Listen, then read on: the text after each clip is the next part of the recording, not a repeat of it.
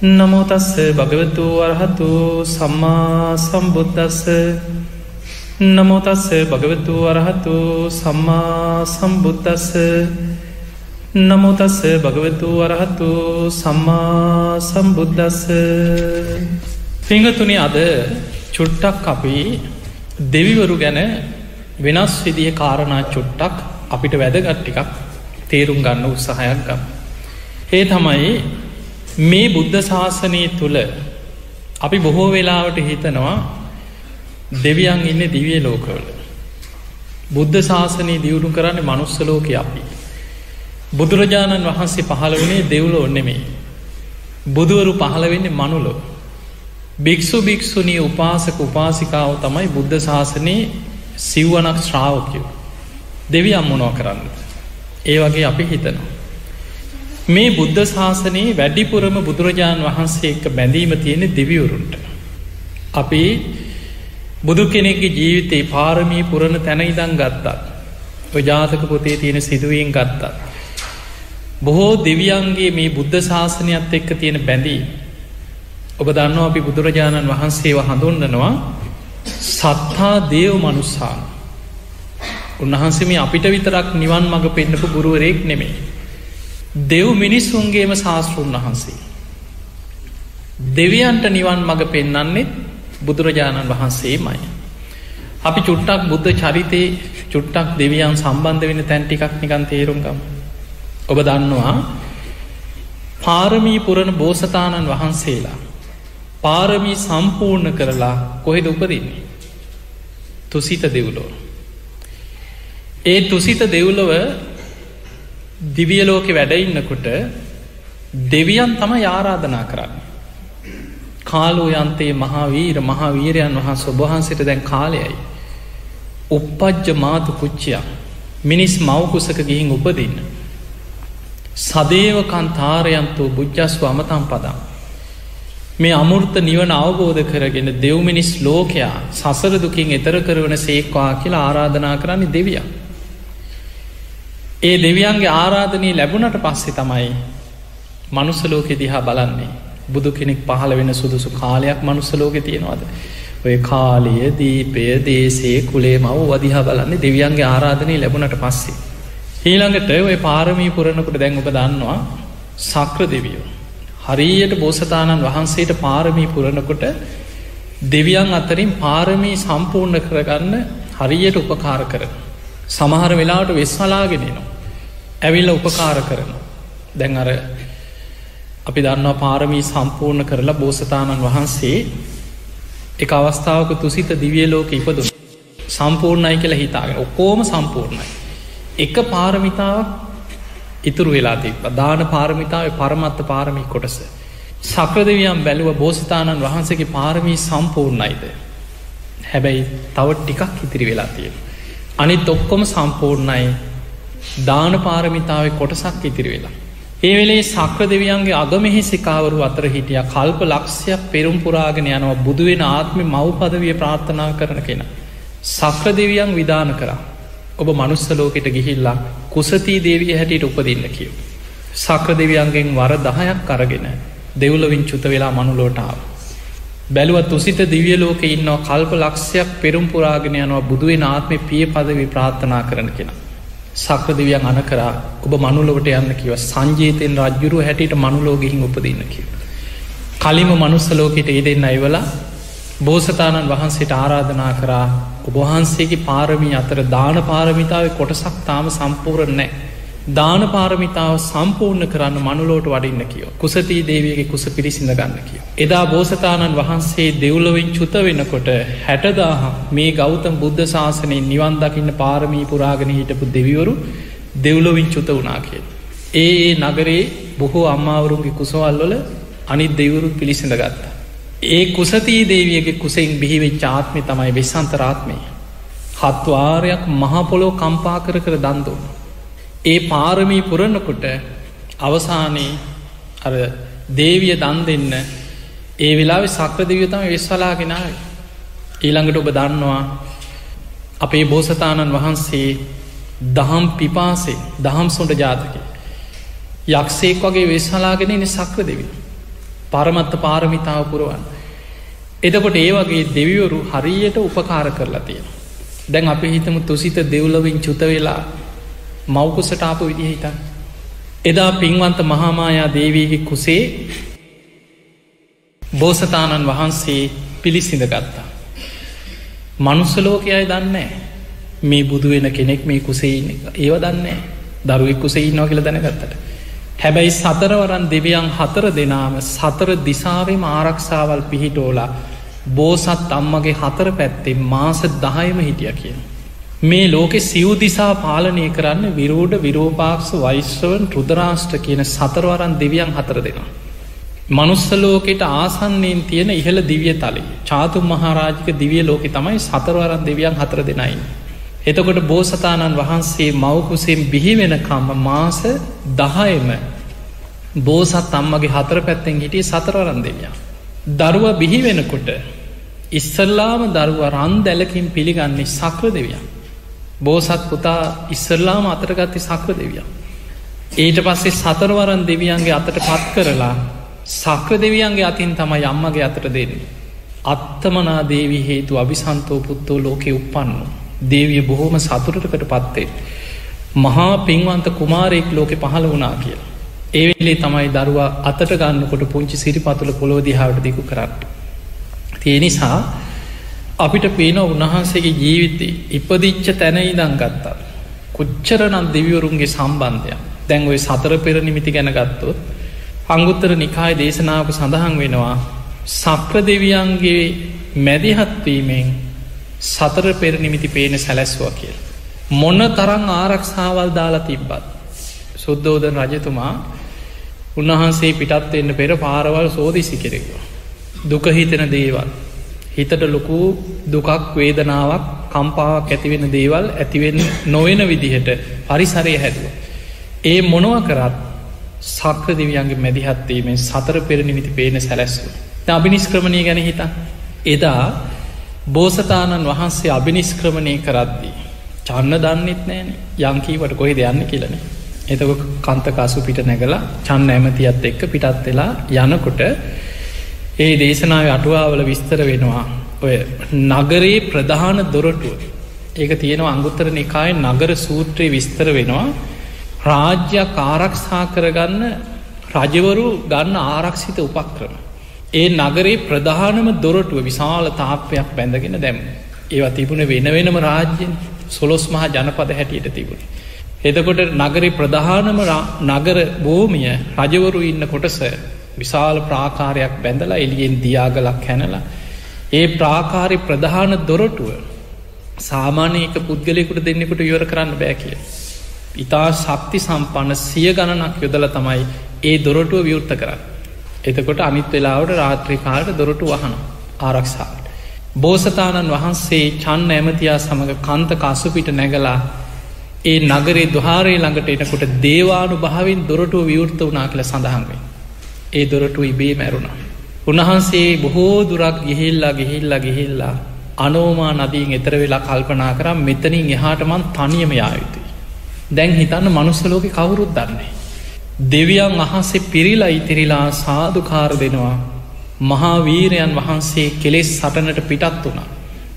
මහාවීරයන් වහන්සේ කෙලෙස් සටනට පිටත් වනා කියලා දෙවරු ප්‍රීතිකෝසා කර. ඒ වෙලාවේ උන්වහන්සේ කල්පනා කරා තමන් වහන්සේ දිහා බැලුවා රාජකයේ සලු පිළි රාජාවරණ මේ දිගු කෙස් වැටිය. විමුක්තිය කරා යන කෙනෙකුට මේ ජීවිතය නෙමේ හරියන්නේ ශ්‍රමණ ජීවිතය. ඒ වෙලාවේ මගුල් කඩු අරගෙන කෙස් වැටිය අතින් අල්ලලා දෑගුලක් හිසේ කෙස් ඉතිරි වෙන ප්‍රමාණයට මගුල් කඩුවෙන් කෙස් වැටිය කැපුව කියන. දෑගුලක් කියන අඟල් දෙහෙක වගේ ප්‍රමාණය. එතකොට උන්වහන්සේ මගුල් කඩුවෙන් කෙස් වැටිය කපනකොට අර හිසේ ඉතිරි දෑගුලක කේෂ දහතුන් වහන්සේලා ඒ මොහොත්තෙම දක්ෂිනාරුතව කරකැවිල හිස මත මනාකොට කැරලි සහිතව පිහිටියකි. අපි නීලක් බඹර කියල බුදුහාන්රන් කේෂධාතු ගැන විස්තරවේ. දක්ෂිනාවෘතව කර කැවිලා හිස මත කැරලි විදිහට පිහිට. ආයි පිරිනිවන් පානකං ඒ කේෂධාතුන් වහන්සේලා ඊට එහා වැඩීමක් සිද්ධ වන්නෑකින්. එතකොට උන්වහන්සේගේ දිගු කෙස් හැටිය කපලා රාජ කුමාරයෙක් හැටියට තිබ කෙස් හැටිය කපල අතටගත්ත. අතේ තියාගෙන සත්‍යයක් ක්‍රියාවක් කරා මම විමුක්තිය කරා යන ගමන මට ඒ කාන්තය විමුක්තිය ලැබෙනවන. මේ කෙස් පොලෝට නොවැටේවා. අහසි රැඳේවා කියලා කෙස් හැටිය අහසට වීසි කර. එහෙම ටිකටික අහසට පැනනගල යුදුනක් ඉහල අහසි නතර වෙන. දෙවියන් අතරින් සක්‍ර දෙවියන් රන් කරඩුවක් මවාගෙන බෝසතාණන් වහන්සේගේ කේෂධාතු සියල්ල කරඩුවෙන් පිළිගත්තා. දෙවියවරු සාධකාරදිදී දෙවුලවට ගිහිල්ල සක්‍ර දෙවියන් තමන්ගේ දිවිය මේ ඉරදිය මවනවා දොළොස් යොදුනක් විශාල චෛත්‍යයක් සත්රුවනි සිළුමිනිසෑ. ඒ චෛත්‍යය තුළ කේෂධාතු තැන්පත් කර. එතකොට බුදු වෙලා නෑතා. අභිනිස්ක්‍රමණය කරන දවසෙමයි දිවිය ලෝකෙ උන්වහන්සේ වෙනුවෙන් ඉස්සල්ලාම් චෛත්‍යයක් මවන්නේ. මනුසලෝකයයි දන්නවත්නෑ. උන්වහන්සේගේ කේෂ දහතු තැම්පත් කරලා සිළුමිනිසෑය සක්‍ර දෙවියන් දෙව්ලෝ මවනු. ඒ වෙලාවෙ කඩුවයි ආභරණ ටිකයි ඒවා ගලවල දුන්න චන්න ඇමතියට මේ වරගෙන ඔබ ආපහුයන්න. හැඳගෙන ඉන්න සලු පිළිනං ශ්‍රමණයකුට සුදුසු නෑ කියලා හිතනකොටම පෙර සසරේ කාලයක් තමන්ගේ යාළුව කාශ්‍යප බුද්ධ ශාසනයේ මිත්‍රය ගටීකාර කාශ්‍යප බුදුහාදුරන්ගේ බණහල අනාගාමි වෙලා සුද්ධවාස බඹලව හිටියේ වෙනකොට. මේ ගටීකාර කියන බ්‍රහ්ම දෙවියන් අටපිරිකරක් මවාගෙන අහසිං ඇවිල්ලා උන්වහන්සේට අටපිරිකර පූජා කර. එතකොට බලන්න උන්වහන්සේට සිවුරු පිරිකර පූජා කරන්නෙත් කවුද. බ්‍රහ්ම ලෝකෙ බ්‍රහ්ම දෙවි කෙනෙ. ඇදගෙන හිටිය ගිහිවස්ත්‍ර ඉවත් කර අර සිවුරු පිරිකර දරාගත්තා. ගෙහිවස්ත්‍රයුගල අතට අරගෙන සත්‍යයක් ක්‍රියාවක් කර. මම විමුක්තිය කරා යන ගමන මට ඒ කාන්තය විමුක්තිය ලැබේනම්. මේ ගිහි වස්ත්‍ර පොළුවට නොවැටේවා කියලා අන ඇඳගෙන හිටිය වස්ත්‍ර අහසට වීසි කර. ඒ වස්ත්‍රයුගල අහසට වීසි කරනකොට කෙස් වගේ මහසට ඉහලට පැරණැකළ යුදුනක් ඉහල අහසේ නතරවෙන. අර ගටීකාර බ්‍රහ්ම දෙවියම්ම කරඩුවකින් පිළිගත්තා. පිළි අරගෙන බඹලුවට ගිහිල්ලා චෛත්‍යයක් මවනවා ඒ චෛත්‍යයේ තැම්පත් කර ඒ තමයි සලුමිනි සෑයි. සෙළුමිනි සෑයයි සලුමිනි සෑයයි දෙකම දෙව්ලවයි බඹලවයි මවාගෙන දෙව් බමුණ උන්වහන්සේ වෙනුවෙන් වන්දනා කරද්දි මනුස්සලොක මිනිසු දන්නෙත්න. අවුරුදු හයකට ආසන්න කාලයක් දුස්කරක්‍රියා කර. ඒ දුස්කරක්‍රියා කරනකොට දෙවවරු කොච්චර උන්වහන්සේ වටා ඒ දුස්කරක්‍රියා කරද්දී ඒ දිහා බලාගෙන හිටියද කියලා දේශනාවල සඳහන් එක තැනක උන්වහන්සේ ඔය ආහාර වර්ජනය කරලා කරලා අන්තිමටම හිතනවා. ආහාර වර්ජනයෙන් විමුක්තිය ලබන්න පුළුවන් නං අද ඉදම් මං කිසිම ආහාරයක් ගන්නෑ කියලා. ඒ අධිෂ්ඨානය උන්වහන්සේ හිතනකොටම දෙවියම් පෙනී. පෙනීදල කියනවා මහාවීරයන් වහන්ස ඔබහන්සේ ආහාර ගැනීම සම්පූර්ණයෙන් නවත්තන්න එපා කිය. එහෙම නැවැත්තුවත් අපි ඔබහන්සේගේ රෝමකූ පාතරින් දිවි යෝජාව ශරීරයට ඇතුල් කරනවා කිය. ඒ මොහොසේ උන්වහන්සේ හිතනවා මම ආහාර ගැනීම නැවැත්තුව දෙවියන් ඒ කාන්තින් මේ දේ කරන. එතකොට මගේ අධිෂ්ඨානය බොරුවක් වෙන. ඒ නිසාමම් පාත්‍රයට ලැබෙන දෙයක් පමණක් ආහාර කරගන්නවා කියලා අධිෂ්ඨාන වෙනස් කර. හුළගේ හමාගෙන ඇවිල්ල පාත්තරයට වැටෙන කොලයක් ගෙඩියක්. එහෙම දෙයක් විතර දිවාගතියාගත්. බුදුරජාණන් වහන්සේගේ ඒ දුස්කරක්‍රියා කරන කාලෙ ගැන හිතනකොට පුදුමයි. උන්වහන්සේගේ දිවාග පහූත ජිව්හ කියල සඳහන් වෙන මහාපුරුෂ ලක්ෂණ අතර රසනහර හත්සීයක් තියෙනවා කිය. දිවාග පුංචි දෙයක් අබෑටයක් සමහරලාවට ඒ කාලිතින මසං ගෙඩියක සමට පුංචි නිකං දංගෙඩියක් වගේ වෙන්න පුළුව. ඒ පොඩි දෙයක් දිවාග තියාගත්තත් සම්පූර්ණ මුළු ශරීරයටම ඒ ශක්තිය උරාගන්නවා කිය. පහූත ජිව්ව මහාපුරුෂ ලක්ෂණය. එතකොට දැන් හිතන්න දැන් අප හිතම දැන් මිනිස්සු ගැන නිකං හිතන්නක මෙහෙම අර නම් තියෙන දවසි පුංචි කාලෙම මහා පුරුෂ ලක්ෂණ ගැන ඉගෙනගෙන. ඒවා දැනගෙන අර බමුණු එකසි අට දෙනාගෙන් එදා හිටිය ලාබාලම කෙනාන කොන්නන්න. එක ඇගිල්ලක් උත්සල හරියටම කියවන්නේ මහාපුරුෂ ලක්ෂණ බල ඌර්ණ රෝම ධාතුන් වහන්සේ දිහා බලල මේ කෙනානම් ගිහි ජීවිතය රැඳෙන්නේ. ඒ කාන්තයෙන් බුදු වෙනවාමයි කියව. ඒ කොන්නඥ තමයි අභි නිස්ක්‍රමණය කරා කියලා දැනගත්ත වෙලාවේ ඒ වෙනකොට අරමිත් නන්තියන දවසයාපු ගොඩක් අය මැරිලා. ඒ අයගේ දරුවන්ට ගෙහින් කීවා. ඒ තාත්තල කියල තිබ්බා පුතේ සුද්දෝධ රජතුමාගේ පුට්‍රරත්නය. යම් දවසක ගිහි ජීවිතය අතහැරියොත් ඒ කාන්තයෙන් බුදු වෙනවා. ඒ වෙනකොට අපි නැතිවෙයි. නොබල ගිහි ජීවිතය නට හැඳෙන් එපා උන්වහන්සේගේ ශ්‍රාවකයවයල්ල කියලා ඒ පියවරු කියලා තිබ්බා. ඒ නිසා ගිහිල්ල දරුවන්ට කිව්වට ගොඩක් අය ඒ වෙනකොට බැඳිලා එක එක බැඳීන් ඇති කරග. හතර දෙනෙක් ඉදිරිපත් වුණා. ඒ තමයි වප්ප බද්ධිය මහනාමස්ස. ඒ හතර දෙනත් එකතු කරගෙන තමයි උන්වහන්සේ දුස්කරක් ක්‍රියා කරනකොට දැම්මී බුදු වෙනවා කියලා මහාපුරුෂ ලක්ෂණ ගැන බලල දැනගෙන මේ විශ්වාසයෙන්ම න්‍යාව හැබැයි උන්වහන්සේ දුස්කරක් ක්‍රියාව අතහැරිය විතරයි බැන බැනාගී නැද ඔන්න මිනිස්සු එතකොට උන්වහන්සේ බුදු වෙන දවස හිතන් දැන් සම්බුදු තෙමගුල ගැන කතා කරනකොට බුදු කෙනෙක්ගේ ජීවිතේ වැදගත්මදේ බුද්ධත්වය උන්වහන්සේ බුද්ධත්වයට පත්වෙන දවසේ මනුස්ස ලෝකෙ කවුරුත් දන්නේ අද බුදු කෙනෙක් පහළ වෙනවා කියලා පුප් පහළ වනා කියලවත් මනුස්සලෝකය දැනගෙන හිටියනේ. එදා උන්වහන්සේ මහ වනාන්තරය සොත්තිය බමුණගේ කුස තනමිටියටත් අරගෙන සුජාතාවගේ කිරිපිටු ධාරිත් වලඳලා නේරංජනා නදියෙන් එතර වෙලා ඇසතු බෝධීන් වහන්සේ සේවනේ කුස තනතුරලා උන්වහන්සේ වැඩ ඉන්නකොට සලාම කලබල වුණේ මාරය මාරසේනාව. දස බිම්බරක් මාරසේනා පිරිවරාගෙන උන්වහන්සේට නොඒක් විදිහට හිරිහැර පීඩා කරන්න මාරය සේනාවත් අරගෙනාව. අවසානය උන්වහන්සේ පෙර සසරි පුරපු පාරමී ධර්ම සිහි කරලා ශ්‍රී හස්තය පොලෝට තියල දිවුරුව. පාරමී බලේ මහපොලෝ කම්පාවනාකි. දස බිම්බරක් මාර සේනාවතික මාරය පලාගිය. දැන් බුද්ධත්තිගෙන අපි අහලතිය නොනි රාත්‍රී පලවෙනියාම වෙනකොට උන්වහන්සේ ආනාපාන සති භාවනාවෙන් හිත හතරවනි දිහානයටම දියුණු කරගත්තා. පළවෙනියාම වෙනකොට ඉස්සරලාම පෙරජීවිත දකින නුවන ඇති කරගත්ත පුබ්බේ නිවාසානුස්සති ඥාන. රාත්‍රී දෙවනියාමි චුතූපාතඥාන දෙවනි විද්‍යාව පහළ වුණ. රාත්‍රී තුන්වනියාමේ පටිච්ච සමපාදය අනුලෝම ප්‍රතිලෝම වසයෙන් විමසල අවසන් වෙනකොට අරුණෝදයක් සමගම හිත කෙලෙසුන්ගේ මිදිලා සම්මා සම්බුද්ධත්වයට පත්වෙන. දැන් අපි බුදුවීමමේ. බුදුරජාණන් වහන්සේ බුද්ධත්වයට පත්වෙනකොට දස දහසක් ලෝක දහතුවට ආලෝක දහරා විහිදුනා කිය. දස දහසක් ලෝක දහතුවටම අප්‍රමා දෙවියන්ගේ දේවානු භාව ඉක්මවා ගිය. ආලෝකයන් විහිදිලා ගිය. හැබැයි මනුස්ස ලෝකයයි දන්නේ නෑ දැම් බලන්න උන්වහන්සේ බුදු වෙලා පළවෙනි සතියම බෝධිමූල වැඩ හිටිය. කවුරුත් මනුසේ කාවද හම්මෙන් නෑ කවුරුත් දන්නේ උන්වහන්සේ පළවෙනි සතියම විමුක්ති සුව විඳමින් බෝධිමූලි වැඩඉඳලා ඒ සති අවසානය උන්වහන්සේ දැක්කා. දෙවියන් අතර බුදු වෙනකොට දෙවිවරු ප්‍රීතිකෝසා කර කර සතුට වුණා මහාවීරයන් වහන්සේ කෙලෙස් සටන ජයගත්ත කිය.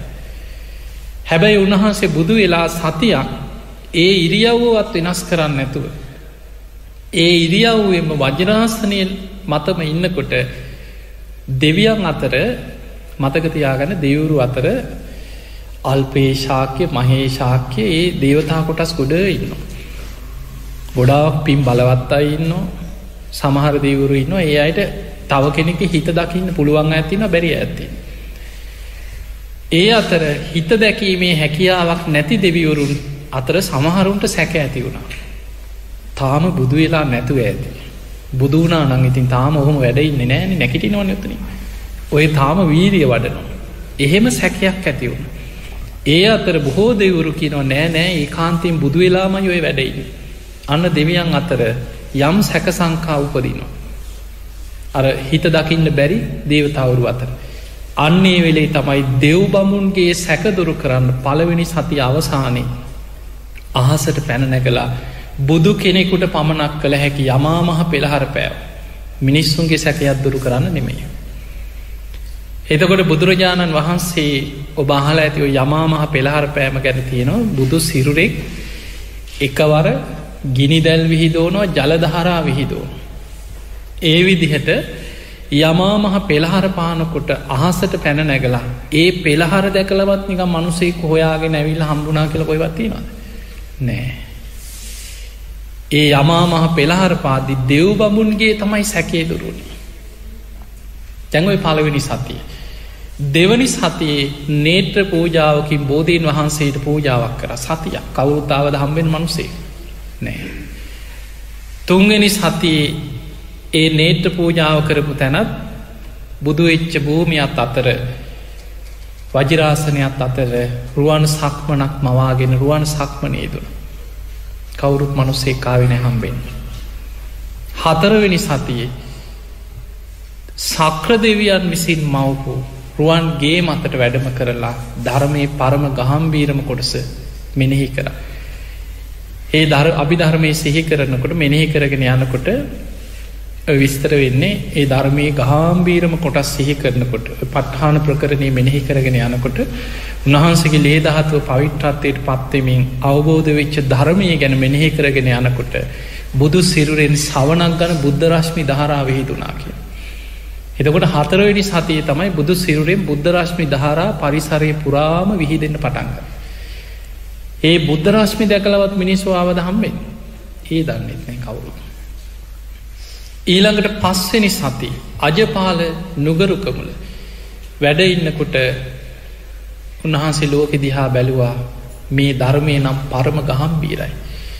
හැබැයි මේ ලෝකයේ මිනිස්සු කෙලෙස් වලමයි ජීවත්වෙන් කෙලෙස් වලින් මයි සතුට හොයන් පංච කාමයන් මයි හොය හොයායන්. මේ වගේ පරම ගහම්බීර ධර්මයක් මේ මිනිස්සු අවබෝධ කරගනී දෝ කියලා උන්වහන්සේ මනුස්සලෝකෙ දිහා බැලු. ඒ සිතුවිල්ල එනකොටම මනුස්සලෝකෙ දැක්කෙ නෙලෝ මිලක් වගේ කිය. සමහර නෙලුම් මල් තියෙනවා වතුරෙන් උඩට ඇවිල හොඳට පිපි. සමහර මල් තියෙනවා හිරු රැස් වැටෙනකොටම විකසිත වෙන. හොඳට පොහොට්ටුව උඩට ඇවිල්ලති. සමහරයව තියෙන ඇතුළෙම කුණේලාය උඩට මතු වෙන්නේ. ඒ වගේ කෙලෙස් අඩුවයින්න අල්පුරජක්ක මහරජක කෙලෙස් වැඩියයින්න. එහෙම ලෝකෙ දිහා බලනකොට සහම්පති මහා බ්‍රහ්ම දෙවියන් තමයි පෙනීදලා ලෝකයාට දහම් දෙසන්න ආරාධනා කරන්න. ඒත් මනුස්සෙක් නෙමේ. බුදුරජාණන් වහන්සේට පස්වෙනි සතිය බ්‍රහ්ම ලෝකවලට අධිපති සහම්පති මහා බ්‍රහ්ම දෙවී. ආරාධනා කරා නිදුකාණන් වහන්ස දහම් දෙසන සේක්වා. සුගතයන් වහන්ස දහම් දෙසන සේක්වා කියලා ලෝකයට දහම් දෙසන්න ආරාධනා කරේ පස්වෙනි සති. ඒ ආරාධනය පිළි අරගෙන තමයි ලෝකෙ දිහා බැලුවේ කාටද ම මුලින්ම මේ ධර්මි දේශනා කරන්න. ආලාර කාලාම දින හතකට කලින් මැරිලා. අරූපී බ්‍රහ්ම තලයක ඉපදිලා.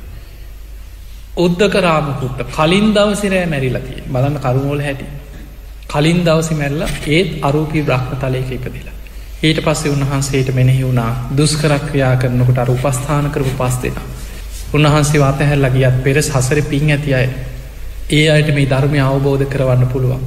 මේ අයට මේ ධර්මය දේශනා කරනවා කියලා අධිෂ්ඨානයක් කරගත්ත. ඔන්න ඒ පස්වෙනි සතිය. හයවෙනි සතිය මුචලින්ද විලාසලදී. එතනදිත් උන්වහන්සේට උපකාර කරේ නාගලෝක නාගේ. එක තියෙනවා අංගුත්තර නිකායි මුචලින්ද සූත්‍රී ඔබට නිකං මුච්චලින්ද නාග ධර්මය දැක්හම නික හිතට බල නික මොන ජාතිය නයිද මේ කියලනික රෑන කොන්්ඩාවගේ හිද කියලා. මෙච්චර නයින්නවද එහෙම හිතෙන්න්න පුළුවන්. ඒ මුචලින්ද සූත්‍රයේ තියෙන්නේ ඒ විලට අධිග්‍රෝහිත නාගලෝක නාගේ ඒ දින හත අවසන් වෙලා නාගවේසේ අතහැරලා බුදුරජාණන් වහන්සේට වන්දනා කරලා නොපෙනී ගයා කියලතිය එහනම් මේ නිකං අපි දකින මේ තිරිසන් ලෝකේ සර්ප ගණයට අයිති නාගෙක් නෙමේ නාගලෝකිනාගේ. එතකොට හත්වනි සතිී රාජායතන කිරි පලුරුකමුල. ඔන්න බලන්න ඒ ගැන දේශනාව තියෙන විදිහ දැන් සති හතක් ගෙවුණ. හත්වනි සතිය මේ රාජායතන කිරි පලුරුකමුලස. උන්වහන්සේ වැඩ ඉන්නකොට ඊට ටිකක් ළඟ පාරකින් වෙළදාම යනවා තපස්සු බල්ලුක කියන වෙළඳ සොහවිරු පිරිසක් එක්.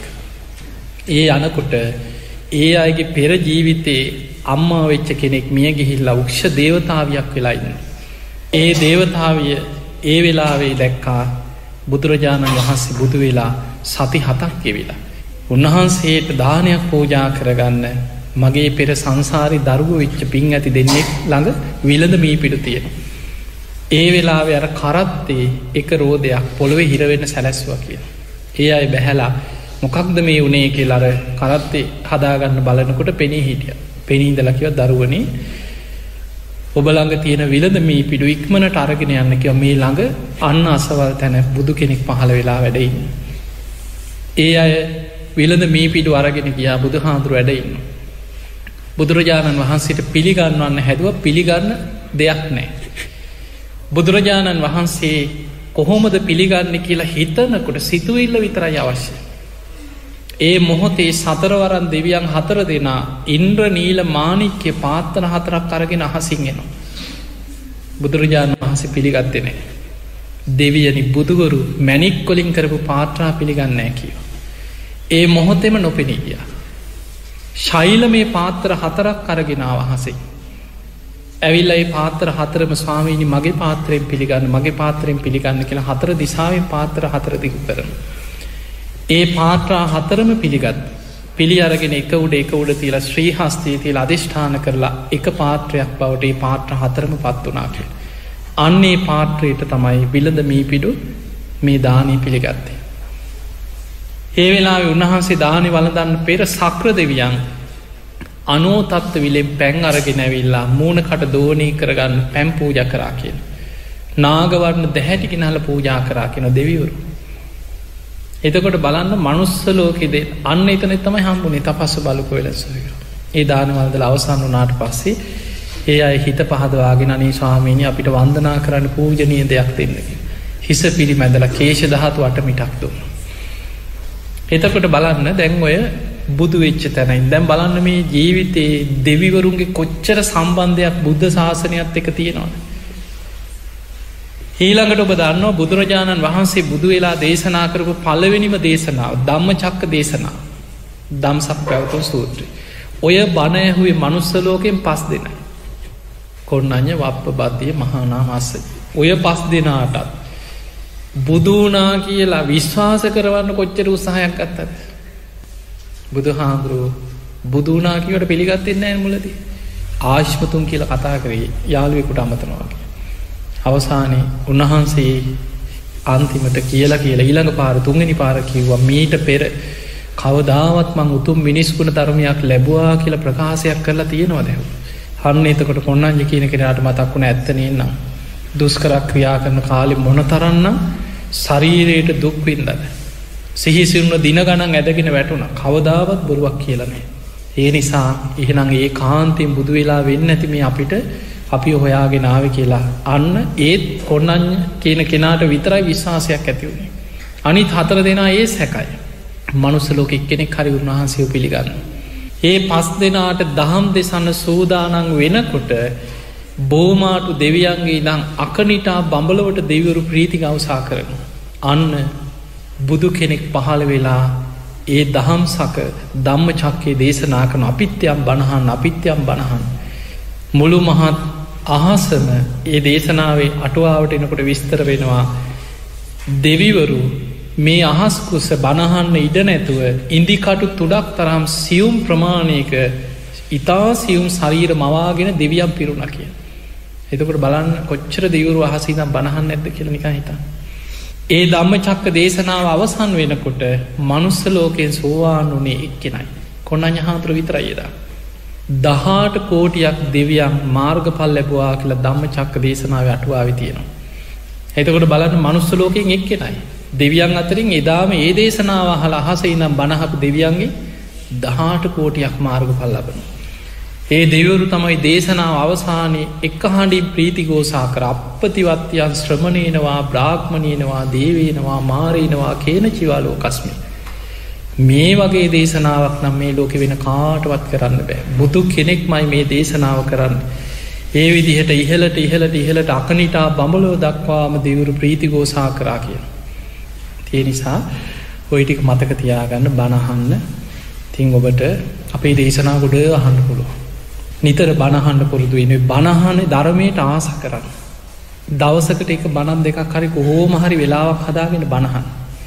එහෙම බණ අහගෙන යනකොට ඔබට තේරෙයි මේ ධර්මය තුළ හිත පිහිටන හැටි. ජීවිතය අඩුපාඩු නිකම් හැදෙනවා කාලයක් බණ අහගෙන අහගෙන යනකොට නිකම්ම ජීවිතයක් ධර්මය තුළ සකස්වේ.